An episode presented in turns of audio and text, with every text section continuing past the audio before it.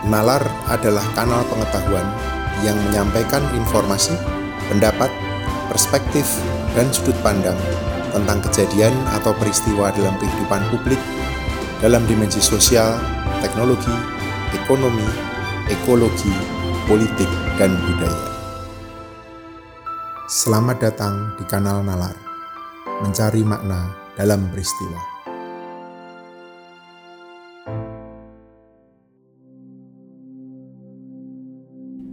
Saudara-saudara, COVID-19 gelombang kedua membuat negeri ini kocar kacir. Kasus harian sempat terus-menerus mencetak rekor. Pada tanggal 15 Juli 2021, angka ini menembus rekor tertinggi, 56.757 kasus infeksi baru per hari. Sedangkan angka kematian harian tertinggi, tercatat pada tanggal 27 Juli 2021 dengan 2069 kematian per hari. Sampai dengan tanggal 19 Agustus 2021, total korban meninggal mencapai 121.141. Dari angka ini, lebih dari 50 persen meninggal sejak 1 Juli 2021. Kabar duka tidak lagi terdengar nun jauh di sana, melainkan makin dekat menghampiri diri sendiri. Saat ini, angka kasus harian dinyatakan turun. Tetapi angka tes juga turun. Akibatnya, banyak yang sulit percaya bahwa kondisi lapangan terkait pandemi ini sudah membaik. Di berbagai wilayah, rumah sakit masih juga kewalahan menangani korban. Masih banyak kasus di mana pasien terpaksa dibaringkan di koridor atau tenda karena kehabisan tempat di bangsal gawat darurat. Tenaga kesehatan kewalahan dan justru menjadi korban. Oksigen sempat langka hingga pasien harus kehilangan nyawa. Dan kini, bahkan di sejumlah tempat, peti mati dan kantong jenazah mulai sulit dicari. Indonesia sudah mengalami gelombang kedua pandemi ini. Kita tidak tahu apakah gelombang kedua ini benar-benar sudah melewati puncaknya, dan apakah masih ada gelombang-gelombang berikutnya. Dalam situasi seperti ini, pemerintah memutuskan pemberlakuan pembatasan kegiatan masyarakat atau PPKM darurat untuk secara drastis menekan mobilitas warga. PPKM darurat ini lalu diteruskan dengan PPKM level 4 hingga 23 Agustus. Berbagai pusat usaha dan kegiatan kecuali sektor esensial ditutup atau beroperasi dengan kapasitas minimal. Ruas-ruas jalan disekat dan dibatasi. Tapi, pelaksanaan PPKM ini banyak dilanggar Bahkan di awal PPKM darurat, mobilitas di Jakarta, Jawa Barat, dan Banten tercatat amat tinggi. Masyarakat menerobos pembatasan dan penyekatan jalan-jalan. Jakarta sempat macet total. Karena itu, mungkin tak mengherankan kalau angka kasus lantas melonjak. Maka, wajar kita lalu bertanya, apakah negara punya kapasitas untuk menjalankan kebijakan yang dibuatnya sendiri dalam menghadapi pandemi ini?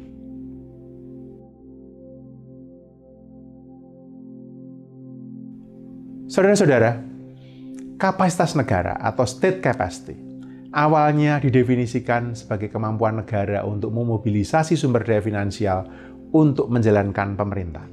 Ini definisi dari Tilly 1985. Di dalamnya ada tiga dimensi.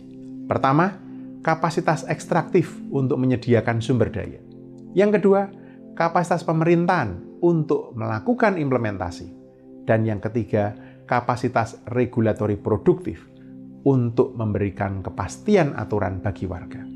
Tiga dimensi ini diuraikan oleh Berwick dan Christia tahun 2018. Saya sendiri mencoba mendefinisikan kapasitas negara ini sebagai kemampuan negara untuk mewujudkan atau untuk mendeliver pembangunan melalui lima hal pokok. Regulasi, institusi, akuntabilitas, perencanaan, dan implementasi. Pandemi ini seolah membuka mata kita bahwa kapasitas negara kita mengkhawatirkan. Setidaknya, bagi saya, lima kemampuan pokok pemerintah itu mesti segera diperbaiki atau bahkan dirombak ulang. Pertama, kapasitas menyiapkan kerangka regulasi. Birokrasi tidak bisa berjalan tanpa regulasi. Regulasi ini dibutuhkan agar kebijakan, yaitu apa pun yang diputuskan untuk dilakukan atau untuk tidak dilakukan oleh pemerintah, bisa diwujudkan. Pandemi ini menegaskan perlunya regulasi yang sederhana, namun tegas, jelas, dan tidak tumpang tindih untuk menuntun birokrasi bekerja di pusat maupun di daerah.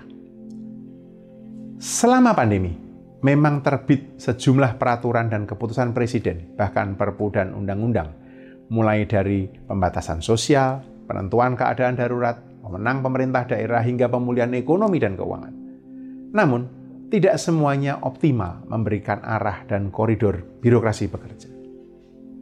Kedua, kemampuan untuk menata kerangka kelembagaan. Siapa sebenarnya penanggung jawab tertinggi penanganan wabah ini? Sejumlah lembaga kita tahu dibentuk dan dilebur selama 17 bulan pandemi ini Satgas Penanganan COVID, Gugus Tugas Percepatan Penanganan COVID, Komite Penanganan COVID dan Pemulihan Ekonomi Nasional. Akibatnya, kelembagaan penanganan pandemi bukan hanya tidak jelas, namun juga tidak efektif. Birokrasi bekerja suboptimal di luar struktur rutin mereka. Penunjukan salah satu menteri koordinator untuk memimpin PPKM darurat di Jawa dan Bali misalnya. Meski bisa diduga alasannya, tetaplah mencerminkan tidak berjalannya kerangka kelembagaan penanganan COVID ini. Dalam keadaan segenting dan sekritis ini, Presidenlah yang semestinya memegang tanggung jawab terbesar. Banyaknya keputusan berat dan sulit yang harus diambil membutuhkan visi kepemimpinan nasional yang tegas memberikan arah.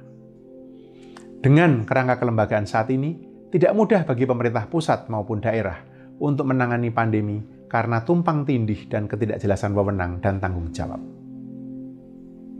Yang ketiga, kapasitas untuk menciptakan mekanisme akuntabilitas. Apa yang dikerjakan pemerintah mesti dipertanggungjawabkan. Tentu saja, kriterianya adalah apa yang dilakukan dan dihasilkan di lapangan. Jika kampanye 3M, memakai masker, mencuci tangan, menjaga jarak, mengandaikan kepatuhan masyarakat, maka keberhasilan atau kegagalan 3T, test, tracing, treatment, menunjukkan serius tidaknya pemerintah. Maka capaian 3M, 3T bisa menjadi kriteria akuntabilitas di masa krisis ini. Selain itu, tata kelola untuk memastikan transparansi agar sumber daya tidak dikorupsi dan pemerintah tidak bekerja setengah hati. Saudara-saudara, yang keempat adalah kemampuan untuk membuat perencanaan dan kebijakan. Setidaknya di sini dibutuhkan tiga hal. Satu, penggunaan data dan bukti atau evidence. Pengetahuan harus diintegrasikan dan menjadi basis perencanaan dan kebijakan. Data dan bukti mesti menjadi pertimbangan dan referensi. Dua, partisipasi publik yang lebih inklusif Kompleksnya persoalan dan tantangan yang dihadapi tidak mungkin diselesaikan dan dipikirkan pemerintah sendirian. Perspektif dari berbagai kelompok harus memperkaya perencanaan dan kebijakan. Tiga, kualitas perencana dan pembuat kebijakan. Mereka mesti terlatih dan terpapar dengan tradisi intelektual agar debat dan diskusi dalam pembuatan perencanaan dan kebijakan lebih bermutu.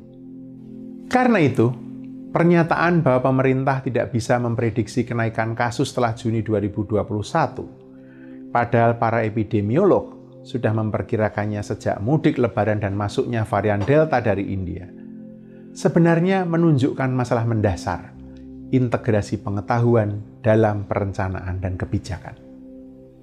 Dan ini bukan yang pertama. Sudah sejak awal pandemi, pemerintah dikritik tidak mendengarkan suara para ilmuwan dan ini dampaknya panjang. Pertama, kegagalan membuat perencanaan dan kebijakan penanganan pandemi yang memadai. Kedua, di tingkat teknis, kegagalan mengantisipasi dampak lonjakan kasus pada fasilitas kesehatan, mulai dari kebutuhan tempat tidur dan oksigen, beban tenaga kesehatan, hingga peti mati dan kantong jenazah untuk para korban. Ini mengapa negara mesti mampu mengintegrasikan pengetahuan dalam perencanaan kebijakan agar selalu berbasis data, bukti, dan ilmu. Di sini pula, pelibatan dan partisipasi komunitas ilmiah menjadi kunci pembuatan perencanaan dan kebijakan negara. Masyarakat sipil dan ilmuwan perguruan tinggi serta lembaga penelitian publik atau PRI, Public Research Institutions, adalah mitra pemerintah. Ini tidak berarti pemerintah harus berkonsultasi atau meminta persetujuan mereka. Namun, karena perspektif pemerintah terbatas, sedangkan masalah yang dihadapi makin kompleks, masukan mereka ini penting untuk dijadikan pertimbangan. Terakhir, kemampuan negara untuk mengimplementasikan. Implementasi di lapangan membutuhkan keketatan dan disiplin. Siapa melakukan apa, kapan, di mana, dan bagaimana. Demikian juga pengawasan dan evaluasi dan koreksinya. Bukan hanya soal PPKM darurat yang butuh penegakan hukum atau penyaluran bantuan pada kelompok rentan selama pembatasan. Namun, jauh lebih luas, memastikan agar masyarakat mampu bertahan lewat berbagai dukungan, insentif, subsidi, dan skema perlindungan sosial. Tentu saja, ada beda mendasar antara implementasi yang tegas dan yang keras. Di hulu, ketegasan dibutuhkan agar masyarakat mengikuti protokol kesehatan dan meminimalisir mobilitas tanpa harus menjadi keras, apalagi kasar. Di hilir, pemerintah juga mesti disiplin pada diri dan aparatnya sendiri, memastikan penguatan fasilitas kesehatan, insentif pada fasilitas kesehatan dan tenaga kesehatan dibayarkan tepat waktu, obat disalurkan, dan harga tidak dipermainkan, reagen dan alat tes didistribusikan cepat dan merata, dan vaksinasi digenjot sekuat-kuatnya dan semudah-mudahnya untuk semua.